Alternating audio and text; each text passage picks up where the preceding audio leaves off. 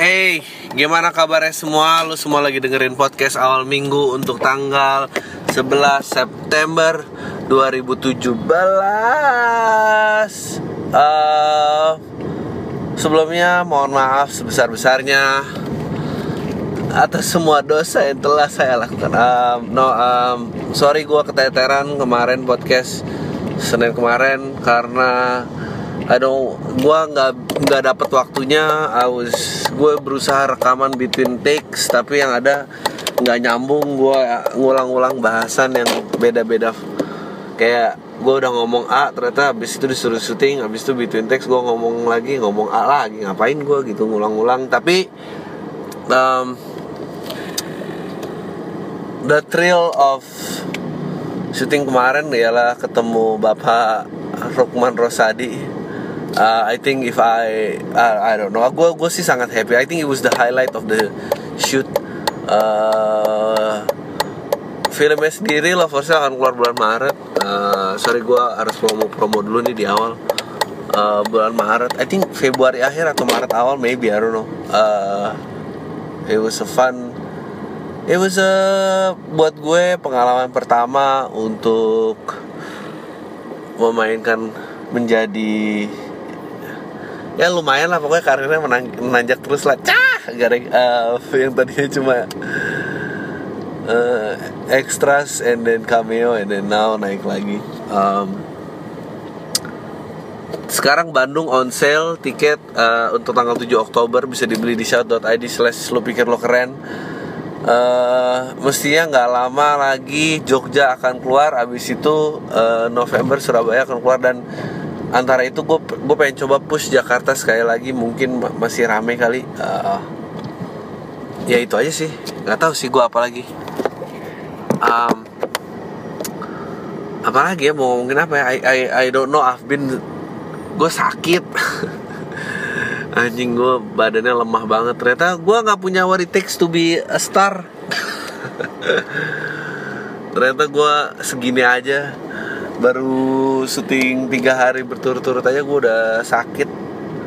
Uh, sekarang gue actually lagi on the way ke iFlick mau bikin original comedy I don't know. Semoga lucu nih gue. I'll, I'll tap around lah apalah jadi apa. Um, uh, apalagi ya mau ngomongin apa? Coba gue Oh, ngomongin ini aja kali ya, ngomongin Amerika Serikat. Uh, badai yang lagi badai badai apa sih itu kemarin? Badai Rosa. Badai apalah nama perumahan. Abis itu nggak lama susulannya Jose kan nih badai Jose. Uh, sempet ada yang bilang uh, ada prediksi kiamat tanggal 23 September. Uh, tapi it's it's kind of scary lagi kayak tiba-tiba uh, ya ada dua badai yang yang badai apa sih namanya tuh Rosa apa? Mira apa, Mira ya namanya? Ya Mira kali. Atau lo tau gue. Um, kemarin ngobrolin sama temen gue terus gue liat nine apa di di ada kalau nggak salah habis gempa terus apa apa gitu kan. And then orang selalu bilang enggak uh, kiamat tuh bukan bukan satu bencana besar jebret hancur gitu tapi kayak bencana yang bersusul-susulan dan ini uh, diagram badainya sama kayak film film 2012 apa apa gitu. 2012 apa mana gitu. Um, and yeah that's uh, oh lo harus nonton. Nah gue bodoh lengkap lo. Lo harus nonton ini sih uh, American Made. Gue suka banget dan gue selalu memang suka sih dengan tokoh Pablo Escobar tuh gue memang suka. Uh, jadi uh, American Made itu cerita tentang pilotnya Pablo Escobar yang nyebarin dagangan uh, kokainnya di, di di di Amerika gitu. Dan dia tadinya dia double agent gitu kerja di buat CIA sama kerja buat um, kerja buat kerja buat Kolombia buat Pablo Escobar juga. Pokoknya ntar dia keliling lah one bad trip uh, to another trip gitu. Terus uh, apa namanya? Terus dia cerita tentang Ronald Reagan dan um, dia bilang how Ronald Reagan tuh dia bilang gue suka banget sama Ronald Reagan karena kalau kalau dia bisa main film dari main film bareng maunya terus bisa jadi presiden negara ini that guy know something. Dan itu membuat gue berpikir ya jangan-jangan ya yang namanya propaganda propaganda uh, apa uh, isu Reagan pokoknya tentunya banyak banget lah banyak waktu itu uh, gue lupa kasus apa tuh yang nggak kita nggak bantuin apa CIA nggak ada apa di sana nggak ada apa nggak nggak nggak nggak memicu perang gini, gini. Tiba-tiba ada pesawat jatuh. Pesawat jatuh pesawat itu lagi nganterin senjata ke Iran. Eh Iya gitulah Iran kali. Gue lupa ya. Dan it, it, it got me thinking banget gitu dari Ronald Reagan sampai sampai Presiden Trump terutama yang sekarang. Kayaknya kayaknya terlepas lu memilih siapa lu pro siapa gue gue um, gue kan cerita waktu itu ngobrol sama teman gue gitu dan dan gue kira dengan eh, dengan era uh, internet dan kebebasan informasi gue kira uh, orang akan lebih bebas uh, mencari informasinya sendiri gitu. Uh, nggak nggak akan distir oleh informasi yang dimiliki oleh pemerintah dalam hal ini gitu. Ini kasusnya terhadap propaganda ya ternyata teman gue yang backgroundnya IT justru dia berpendapat sebaliknya gitu. Enggak lagi gitu justru instrumennya makin rumit semakin gampang uh, gue sempat ngetik itu semakin gampang mereka ngendaliin lo gitu. If they can reach you they, they can control you gitu. Dan uh, gue jadi kepikiran gitu pas dibilang Ronald Reagan di American Made dibahas dan kayaknya mereka selalu memilih presiden yang memang pas dengan medium komunikasinya gitu. Ronald Reagan at that time uh, radio besar banget berpegang peranan. Dia bikin Good Morning America gitu uh, yang yang yang ceritanya menyapa uh, semua audiensnya bahwa negara ini tuh baik-baik aja gitu. Nggak nggak nggak ada nggak ada Amerika adalah negara yang damai gitu lah bla bla bla bla bla bla. Um, uh, dan it works gitu. It it kayaknya mereka sesuai dengan itu. And then and then Bush era and then uh, uh, bab abis Reagan tuh kayak Bush senior ya kayak Bush senior and then uh, Bush senior si terus si I, I did not have sexual relationship with this uh, siapa? Bill Clinton and then uh, mungkin gue skipping masih habis Ronald Reagan tuh ada siapa lagi sebelumnya um, uh, Bill Clinton terus Bush Junior and then Obama and then Donald Trump gitu. Emang perfect banget sih sesuai sama media gitu. Gue sih gue dan ini menurut gue betapa jeniusnya dan gue rasa mungkin uh, aduh ini jadi propaganda. Mungkin Indonesia melakukan hal yang sama sih um, kalau di di di di 1984 kan cerita uh, tentang bahwa uh, informasi itu dikontrol dan apa segala macam. Itu kalau mediumnya stay sebagai konvensional gitu. Tapi kalau mediumnya berubah gitu uh, di di Brave New World di di dijabarin bahwa terus ya, kebenaran itu udah udah nggak meters lagi uh, dia akan tenggelam di di tengah-tengah lautan sampah gitu dan I mean look at look at what happened now gitu. Maksudnya gue tuh Trump tuh saking bego ya gue sampai rutin kayak orang ini nggak mungkin bego sih unless sebego itu unless ada yang bilangin dia untuk seperti itu gitu. I mean how per, maksudnya propagandanya tuh perfect banget gitu. Uh, um, dia apa dia menatap gerhana matahari dengan mata kosong itu perfect banget. Itu create you will create a shitstorm di sosial media gitu. Whereas akhirnya semua udah teralihkan itu they, they, they gonna do the real task that that what they supposed to do gitu. Itu gak sih menurut lo? Ronald Reagan juga gitu karena karena karena medium penetrasi benda yang uh, penetrasi paling dalam sampai ke rumah tangga kita adalah itu radio dan dan dan radio dia own gitu. Um, abis itu uh, ya nggak tahu sih beberapa ya gue sih mikir aja gitu skandal Monica Lewinsky gitu. Terus George Bush George Bush dengan kebodohannya TV dan kabel and then and then begitu uh, begitu uh, Barack Obama you know karena dia media darling tapi ya udah media darling terus uh, Facebook dan apa yang nyebar yang you know relationship goals dan apa dan segala macam itu itu pas dengan karakter uh, Obama gitu ya. Um, and then now ke Trump yang nyampe mobile devices. Of course mereka mereka adalah mereka harus harus mainin karakter yang emang believable gitu buat buat orang-orang gitu. Maksudnya uh, Obama kalau suruh marahin Donald Trump nggak akan bisa. Tapi Donald Trump suruh jadi asshole gitu anjing tepat banget gitu tepat. Kenapa bisa tepat di era mobile devices gitu di mana ah I don't know. I'm sure I'm sure ada sesuatu sih. Nggak nggak mungkin nggak mungkin um, uh, dan dan di Indonesia pun kelihatan kan uh, ya you know, siapa tuh yang kayak John Banting? You know I, gue tuh jadi harus hati-hati gara-gara uh, kemarin habis kamisan uh, ke 505 terus 13 tahun sejak uh, Munir ditiadakan. And then uh, tadi disuruh stand up gue takut kan. Gue gue takut juga tapi untuk anak-anak ya gue biasanya mau gitu nama ditaruh di poster uh,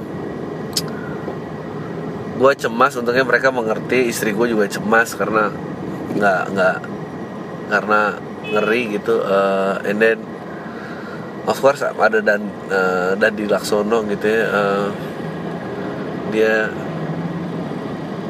dia apa namanya dia pidato dan segala macam gue baru sadar ternyata dan Laksono uh, lagi terjerat UU ITE sebagai barang bukti dan uh, barang bukti pencemaran nama baik. Nama baiknya adalah Megawati gitu karena um, penghilangan ya aktivis kalau nggak salah ada diangkatnya waktu itu berada di zaman dia gitu dan mau undang-undang ini rese gitu ya dan uh, dan sekarang KPK lagi berusaha dibekukan uh, terus karena polisi membentuk membentuk kayak kok polisi kalau nggak salah bentuk uh, eh, anti corruption watch watchnya sendiri uh, which is hilarious lah nih uh, ya sementara lo nggak boleh ngata-ngatain siapa-siapa lo nggak boleh ngatain si John Banting itu lo nggak boleh ngatain siapa lah waktu itu um, tapi mereka tuh bukan nggak boleh ngatain. Nggak justru kalau lo semakin sering ngatain you miss what is actually happen behind it gitu. Lo akan kelewatan gitu karena you know fuck gue sih sekarang lama-lama makin kayak gue sih simpati sedalam-dalamnya terhadap tragedi Rohingya uh, Rohing Rohingya Rohing Rohingya nggak katanya roh, nya nggak dibaca nggak tahu. Um, and then there's always selalu ada satu clown yang yang yang akhirnya kita tuh semua bergerak ke situ gitu. I don't know uh, dan dan dan nggak ngerti gimana cara uh, mastiinnya gitu.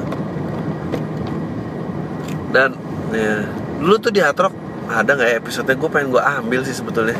Eh bukan punya gue jadi gue pernah ketemu ada namanya ini nih salah satu tools yang pernah kita pakai di Indonesia. Uh, penggiat teater keliling uh, namanya Rudolf Puspa.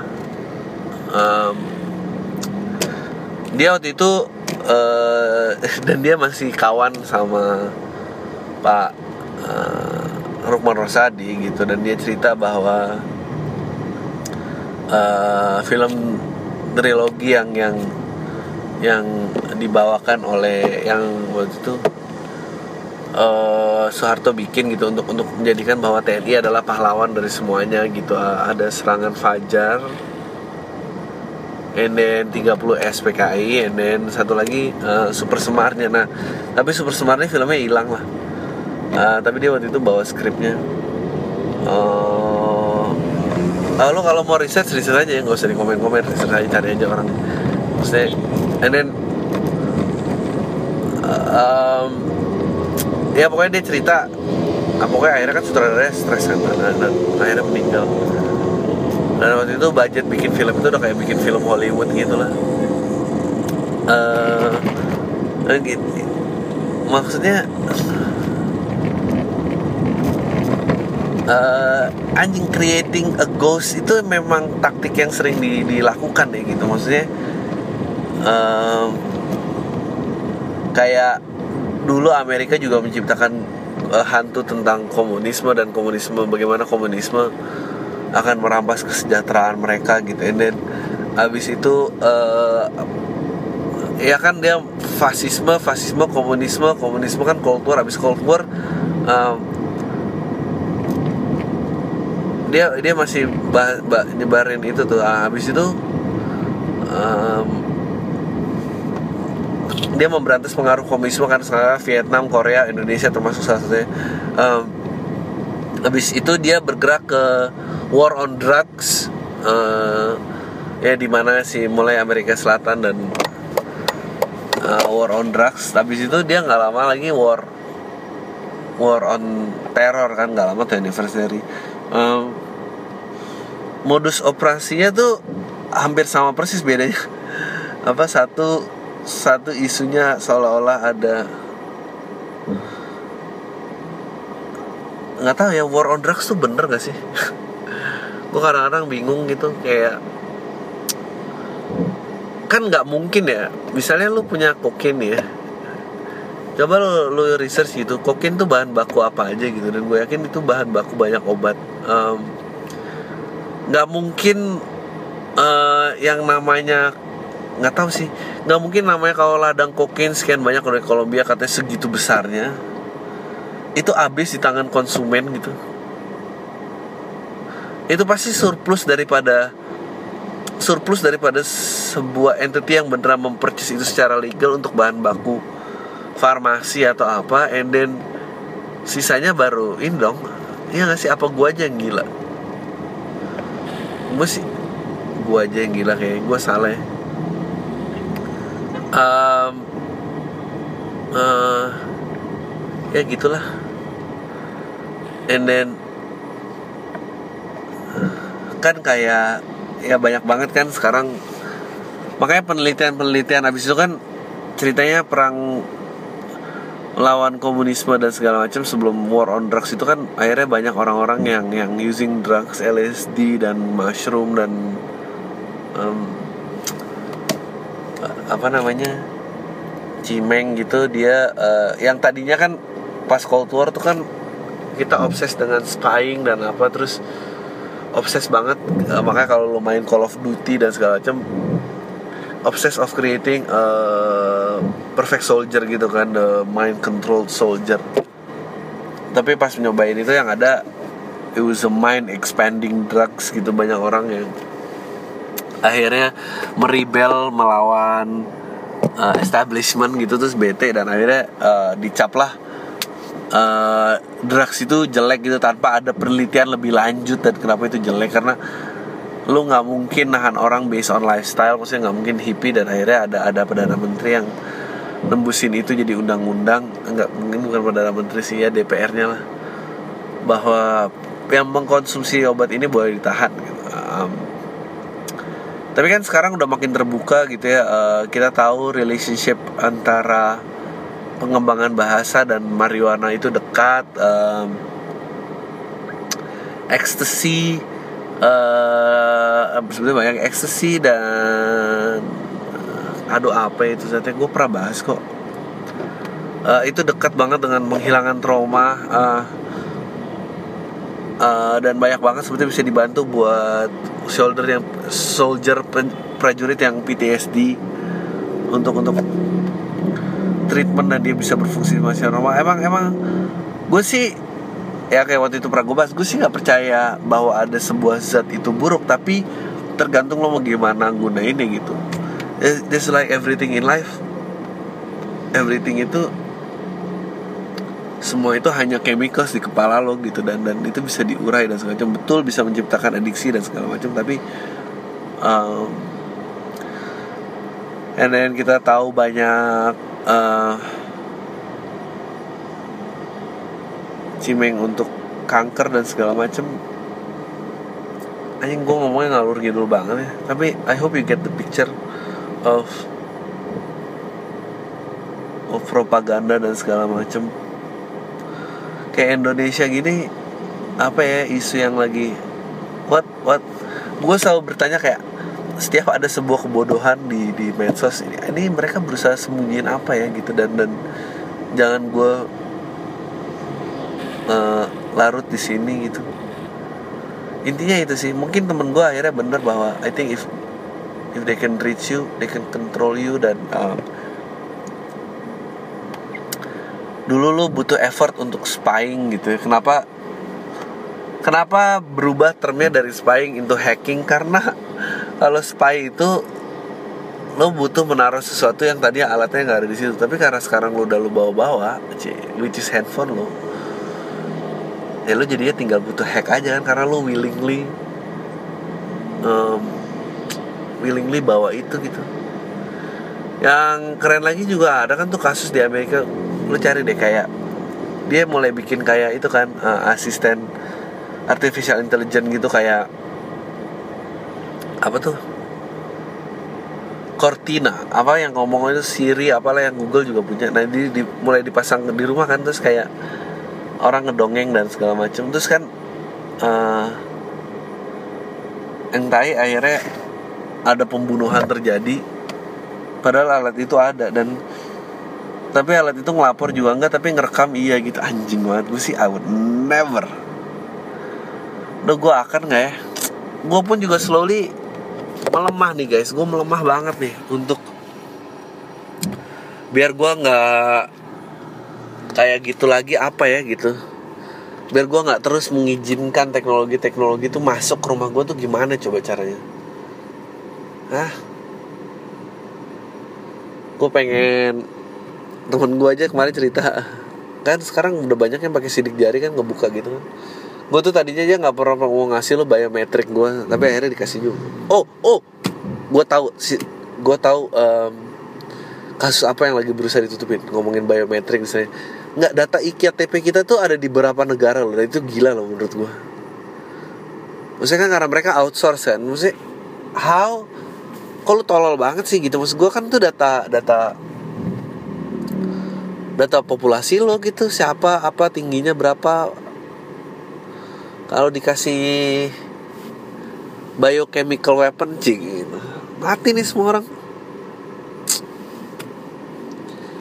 Itu tuh iktp tuh yang penting tuh. Daripada ribut-ribut apalah ini. Um, hak angket aduh hak angket tapi emang tai sih uh, dan nggak tahu gitu harus berharap sama siapa gitu. Fuck ini kenapa jadi sedih gini? Uh, iya ya. Kayaknya udah cukup ya. Segitu aja um, I think um, ya gue akan show di Bandung. Please buy the tickets. Kalau itu kita ketemu di sana. If ab kalau habis semoga cepat habis. Jadi bisa dipikirin perlu dua kali show apa gimana gitu. Uh, but tapi gue jadi agree sama teman gue semakin if they can reach you they can control you.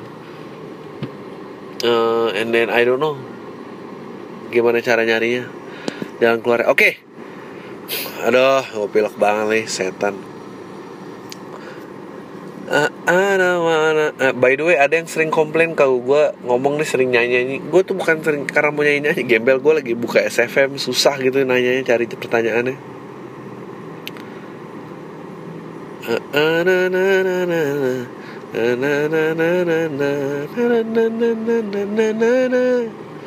Oke. Um, Bang, jawab di paham tentang stand up. Menurut lu ada nggak sih uh, persona yang potensinya gede tapi masih belum dipakai di Indo? Nggak tahu. Persona yang gede nggak tahu ya. Persona apa coba? Persona orang marah-marah gede nih kayak gue tapi udah dipakai tapi nggak gede kan? Gue nggak tahu men kalau nanya apa yang bakal beken. I seriously uh, membaca peta dunia hiburan Indonesia mengerikan gue kaget sih kayak uh, Rafathar dan uh, apa namanya satu lagi kemarin Underdogs itu eh, nggak uh, seramai itu gue kira apa pun yang buatan Ernest bakal wow gitu um, ya yeah. so persona I don't know about persona uh,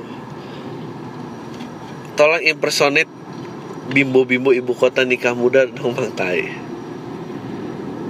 uh, gue perasaan udah ngomong deh yang ah aku happy banget nikah muda aku belum tahu mau jadi apa tapi yang penting udah punya pasangan something like that kayak gue udah deh terus yang lain gimana uh, dengan menikahnya Raisa dan Hamis Daud. um, bang, menurut lo alasan cewek nikah muda biar cepat dapat kepastian gimana bang? Jawab di potensi ya, ya itu tadi maksudnya. Ya nggak apa-apa sih, gue yakin perempuan jauh lebih mengkhawatirkan. Gue juga setuju di situ gitu. Tapi um, I don't know. Gue ya kayaknya tipis deh perbedaan antara lo pengen keluar rumah sama lu beneran pengen nikah tuh sesuatu hal yang yang uh, gak gampang dibedain. Tapi gue nggak tahu gue sih dulu nggak pengen kawin soalnya. Jadi apa pun yang nikah muda pasti gue kayak mikir uh, oh gue kemarin ngobrol uh, sama salah satu case yang kelahiran 97 dan yang gue dapat uh, kan dulu orang tua kita konservatif and then mungkin Gen X rebellious. Tapi di mereka tuh balik lagi konservatif tapi lebih knowledgeable. Ya mungkin lu bener kali pengen nikah muda I don't know gitu uh. tapi mungkin karena lingkungan orang tuanya udah lebih kondusif udah lebih udah lebih baik lah udah nggak nggak nggak semengekang dulu uh, diizinkan untuk mempercayai mimpi like uh, gue agak salut juga sih dengernya kayak oh mungkin gue salah kali bitching-bitching tentang millennials. Um, memang mungkin mereka generasi yang lebih baik tapi uh, di satu sisi gue juga ngerti kenapa gue tuh sering annoyed karena nggak ada yang lebih annoying daripada ngobrol sama orang yang percaya sama mimpinya gitu. Maksudnya gue tuh percaya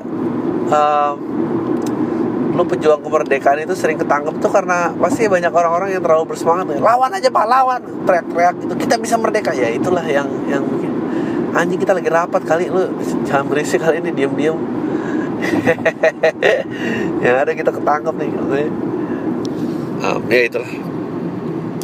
Kadri menurut lo motivasinya pengantin kekinian pada punya bridesmaid itu apa sih? Dan menurut lo konsep ada bridesmaid gimana? Ah, I don't know. Semua orang pinter-pinter banget tentang kawinan. Ah, nggak tahu gue. Itu kan teman-teman geng perempuan ya.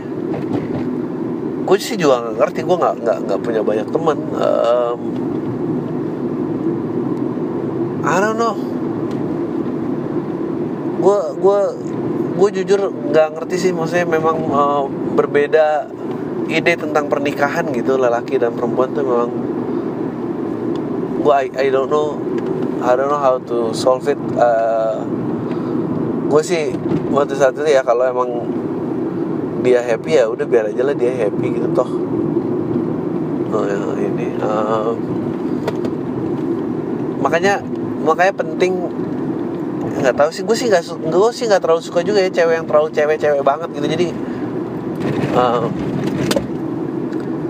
uh, untungnya bini gue juga gengnya nggak banyak-banyak banget ya udah cuma ini sama ini gitu ya udah sip gitu kelar.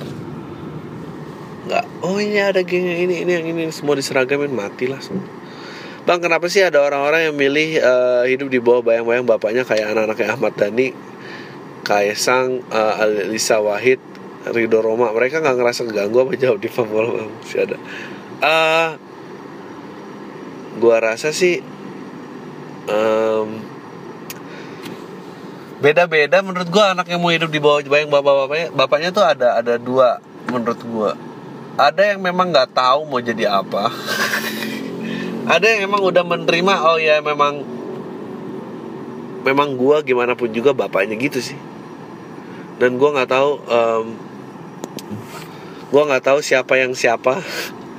Nggak usah disebut ntar ITE lagi um, tapi memang gue akhir-akhir ini sering ngobrol sama ternyata susah emang uh, lepas dari bayang-bayang itu kayak makanya lu tuh yang lu tuh yang nggak beruntung secara ekonomi lu yang nggak beruntung secara pendidikan gitu orang tua lu bukan itu itu sebetulnya lo harus bisa lihat itu sebagai kesempatan sih. Kesempatan bahwa ruang untuk membuktikan lu siapa tuh jauh lebih besar. Kayak uh, kalau orang tua lu S2 lu pasti dituntut paling gak lu S2 gitu kalau orang kayanya sekian lu pasti nggak boleh hidup di bawah uh, garis itu gitu. Dan dan itu dan itu mengeliminasi banyak hal gitu. Maksudnya kesempatan lo ketemu jodoh kesempatan ini banyak banget gitu. Uh, dan ya itu jab terus belum jabatan lagi. Kalau jabatan gede uh, ya udah terus apa gitu gimana ini kan juga bebas gitu. Um, tapi ya yang penting sih lo bisa kalau emang lo mau dibawa bayang-bayang orang tua lo yang penting udah ber, udah melalui proses eliminasi di mana ah, emang memang mungkin tempat gue di sini itu aja sih nggak apa-apa juga. Menurut gue banyak kok. Meskipun sedikit sih maksud gue uh, gue nggak banyak lihat temen-temen gue yang yang yang generasi keduanya melebihi kesuksesan bapak ibunya gitu ya. Uh, tantangannya itu jauh lebih sulit gitu. Uh, meskipun gue bisa name one or two sih teman-teman gue tapi kebanyakan sih katro sih emang bang as a comedian ini gue ambil nyupir ambil baca. As a comedian bisa nggak lo jelasin perbedaan teknis antara jok-jok orang-orang di luar negeri dan jok-jok orang di Indonesia? Gue gak ngerti sini maksudnya apa. Gue sampai sekarang masih belum paham bercandaan mereka mereka ini siapa. Gue follow Rich 3 dan setelah lihat tweetnya uh, gue lihat banyak yang ngerespon like he's the funniest guy. Uh, ya uh, eh, gue bolak-balik ngebedah maksud tweetnya masih belum paham sampai sekarang. Bisa tolong dijelasin bang salam Thai uh, tapi Rich 3 tuh orang luar apa orang kita? Kan maksudnya lu susah banget. Uh,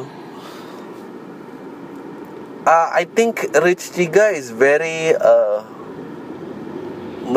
the new wave of comedy uh, angkatan-angkatannya si Donald Glover and then uh, ada lagi tuh siapa sih one liner yang I'm bad with names man. Uh, yang yang giki-giki stuff gitulah. Giki corny yang to the max gitu. Um,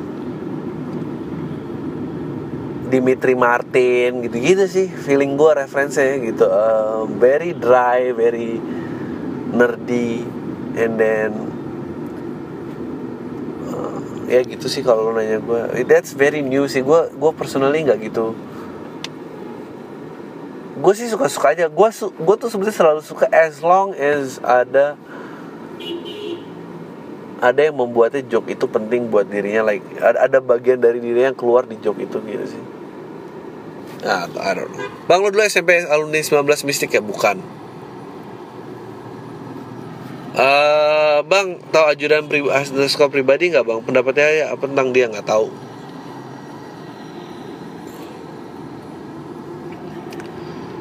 Uh, ah shit lah ini panjang nih Bang apa kabar? Semoga sehat selalu Mau nanya nih gue ribut gitu sama keluarga Gara-gara bokap nawarin gue interview yang Dia kenal sama orang dalam gitu. Oke.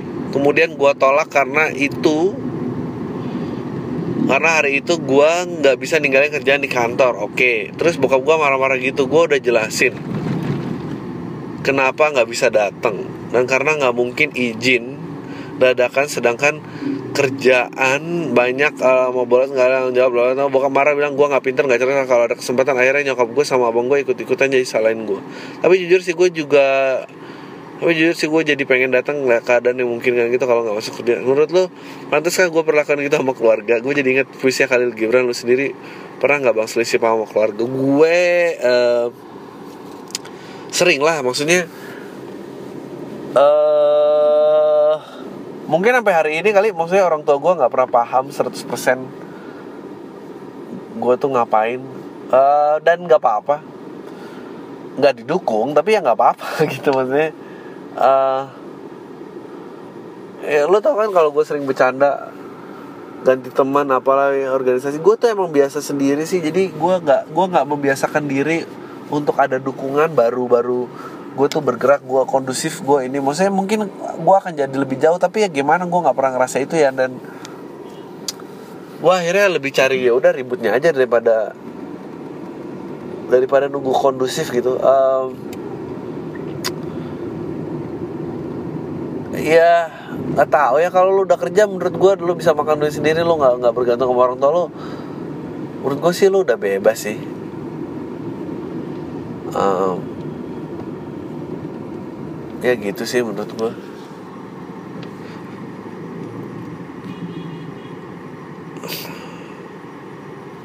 uh, ya. Bang sorry nanya. Gue bingung. Terus langsung gue gue tiba-tiba jadi introvert parah. Interaksi sama orang jadi susah banget. Tapi emang gue dasarnya bukan orang yang rame. Tapi kesannya gue nggak kesulitan dalam berinteraksi. Kalau lu pernah ngalamin itu itu penyebabnya apa ya? Solusinya gimana? Thanks bang. Salam tai. Ah nggak tahu gue gue gak ngerti kenapa lu tiba-tiba introvert. Mungkin emang udah nggak asik kali lingkungannya. Nggak tahu nggak nggak ekstrovert juga nggak apa-apa kan. Oke. Okay. Bang, saya itu bergizi banget gue weekend luar kota rumah sejak McGregor apa ini gue jadi oh.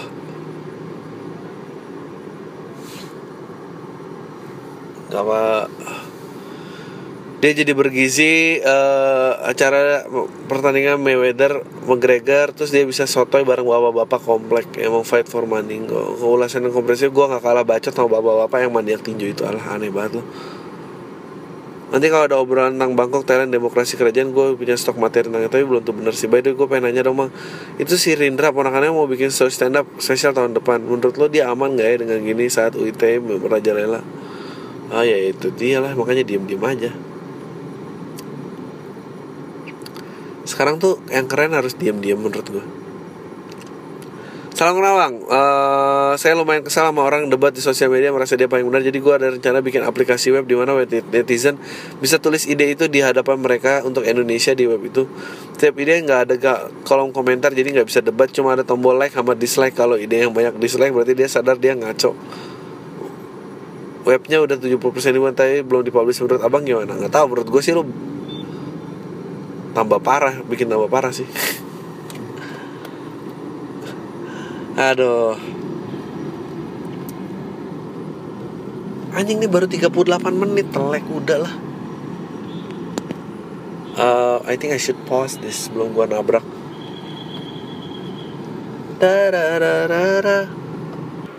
Oke, okay, uh, pertanyaan selanjutnya Aduh Ma menurut lo masuk organisasi di kampus itu penting gak sih? Aku harus mengerja nanti? Ah, nggak tahu ya. Kayaknya enggak sih.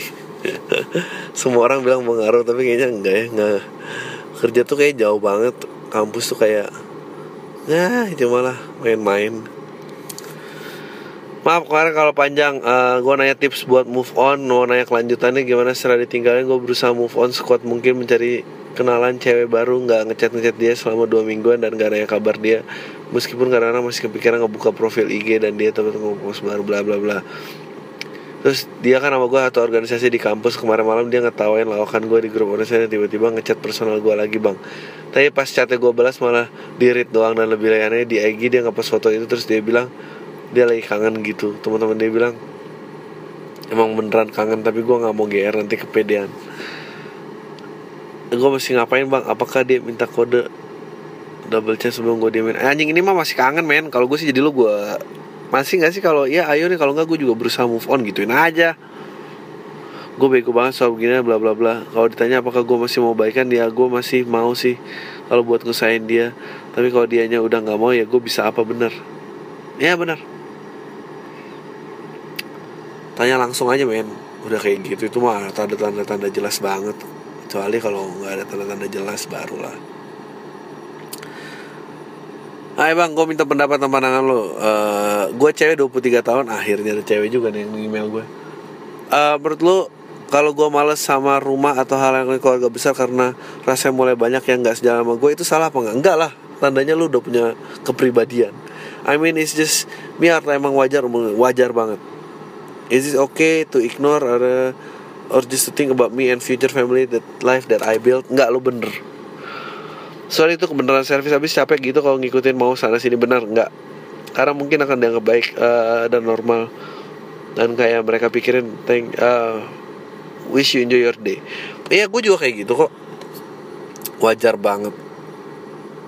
Lo berantem tuh karena memang lo punya pendirian sih gitu sih menurut gue lo berdiri akan sesuatu yang lo percayai Mau tanya bang, lu pernah nggak ada wartawan yang interview dengan pertanyaan anti mainstream dan pertanyaan bahasa basi biasanya uh, dan lu pernah bilang paling males sama interview kayak gitu? Pernah lah. Uh, kalau berkenan personet ya ditanya dengan pertanyaan sadar gitu bang, jawaban yang lu kasih gimana? Gue gue actually kalau kayak gitu-gitu uh, gue nggak tega, gue gue ikutin aja karena ternyata yang mengerti satir ironi itu nggak banyak orang um, dan orang yang pengen melakukan yang terbaik dari pekerjaan itu juga sedikit. Jadi gue tahu kayak pekerjaan semua sifatnya itu kepepet. Jadi ya gue ikut aja play along aja gitu. Oh iya iya ini ini, ini. dan kan karena gue ngerasa nggak setiap situasi gue harus menunjukkan opini gue gitu. Jadi cuek aja. Bagi-bagi ilmu soal reksadana dong plus minusnya apa? Thanks bang sehat selalu. Uh, eh, gue udah berapa tahun tidak main reksadana jadi gue nggak tahu yang lagi bagus apa yang lagi jelek apa? Actually reksadana adalah uh, kayak itu masih badan keuang kayak lo nggak beli saham langsung tapi masih ada yang manajer fund lo gitu yang yang memanage dana lo jadi kalau mau lebih aman dan investasi itu ya main di situ aja dulu. Di Indra bukan ya? Oh bukan ya Bang ada tips dan trik selama tinggal di luar negeri. Gak? Gue tertarik ikut student exchange di sekolah gue Tapi gue takutnya awkward gitu selama tinggal di sana. Dari segi sosial budaya emang beda. Ah, menurut gue dapetin aja sosial studentnya dulu Baru ntar kita ngomong lagi. Ya gak sih? Ngapain coba nanya tentang masalah awkward di sana? Dapat belum tentu. Um, Bang mau tanya dong lu milih tamu berdasarkan apa? Kayak pemikiran yang sama awal apa gimana? Pertama yang mau, yang gratis, yang ada waktunya Kalau bisa pemikirannya sama. Um, sih saya gue nggak banyak pilih sih. Gue yang mau nyaman aja gitu karena kalau karena kan protesnya bukan siapa-siapa ya jadi ya ya udah gitu. Uh, kalau bisa dapet yang sama sih oke okay banget. Bang thank you banget berkat puasa minggu. Saya dengar mengerjakan tugas saya. Saya bisa lebih fokus dan selesai dengan nilai hasil A yang saya terkejut dengan hasil itu karena tugas studi saya hanya dapat nilai B. Wah luar biasa. Terima kasih sama-sama um, Halo Bang hari ini email ke gue jawab di podcast ya Bang. Sebelumnya terima kasih banget. Akhirnya LPK dijadikan di Bandung. Gue mau nanya lu selama ini suka mencaci maki orang yang so asik tuh nyinyir orang lain di podcast tuh? Nah gue mau tanya abis lu caci maki nyinyir orang lu suka merasa bersalah gak atau gue pikir enggak? Enggak karena it's a joke. Dan gue gak kenal orang yang gue nyinyirin biasanya. Abis kalau gue habis nyinyir ke orang abis caci maki gue suka kepikiran merasa kejam tapi pas gue ngerasa denger podcast lu kayak santai aja gitu habis ngomong nggak biasa aja gue biarin aja emang kenapa? Cie.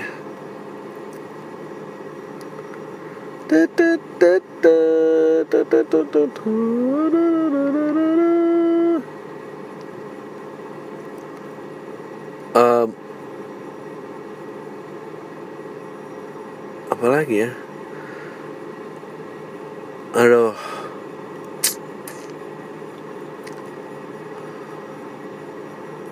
Paradox nama beda. Bang lo lebih tim Mercedes atau BMW Sekali-sekali ngomongin soal mobil dong bang. Kayaknya lo lumayan ngerti dari beberapa obrolan di Itok Drive. Terus juga buat Bandungnya segera bikin di Jakarta. Ah gue lebih suka BMW kayaknya daripada Mercedes. Um, nggak tahu ya kalau suka apa nggak tapi gue nggak pernah punya Mercedes. Punya BMW juga BMW BMW tua. Uh, cuma BMW BMW seri 3 doang. Um, udah sih itu aja. Segitu aja dulu kali ya.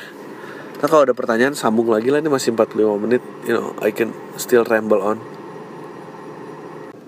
Oke nyambung lagi gue um, hmm, Karena tadi ada kepotong sesuatu Gue mau bacain email aja biar sampai habis Biar nggak ada utang. Uh, Oke okay, uh, jangan sebut nama gue Gue minta pendapat lo Jadi gini bang Gue lagi tertarik sama satu cewek.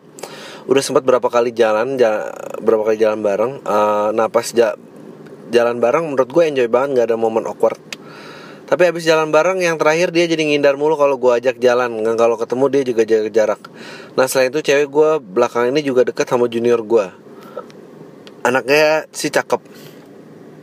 Awalnya chat dia karena iseng dan keterusan. Nah junior gue ini sih dari gerak-geriknya nangkep dia suka sama gue bla bla bla bla. Gue juga bingung sama sekarang mau lanjut ceweknya. Yang pertama apa yang junior gue tai.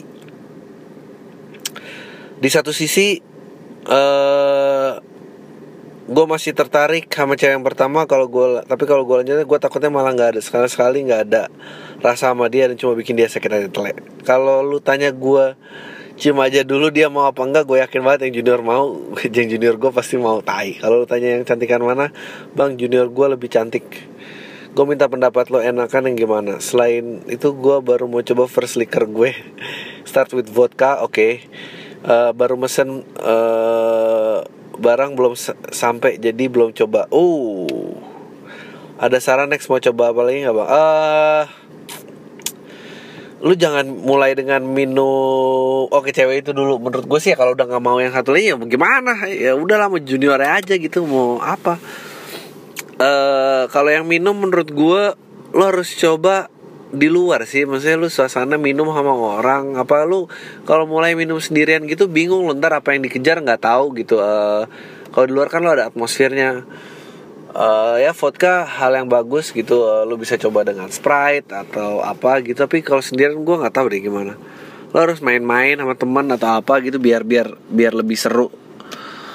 Um, terus uh, udah mulai santai dari udah belum bisa graduate dari kolam tai butuh jokes lu buat menghibur gue bakal dekat LPLK Bandung. Yes!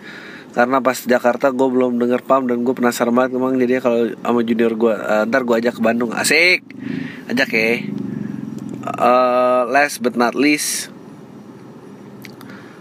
as eh, mana sih nih SFM gue Oke, okay, uh, eh, Bang menurut lo tanpa orang kulit putih dunia ini bakal kayak apa anjing? Uh, menurut gua sih bakal kayak lebih maju. Gak ada yang, menurut gua pembantaian pasti sedikit, tapi mungkin belum ketemu kalau bumi itu uh, bulat karena yang penjelajahannya mereka. Gua nggak tahu ya apakah ada orang-orang lain yang pernah menjelajah. Uh, tapi gua ragu. Uh, nggak tahu ya.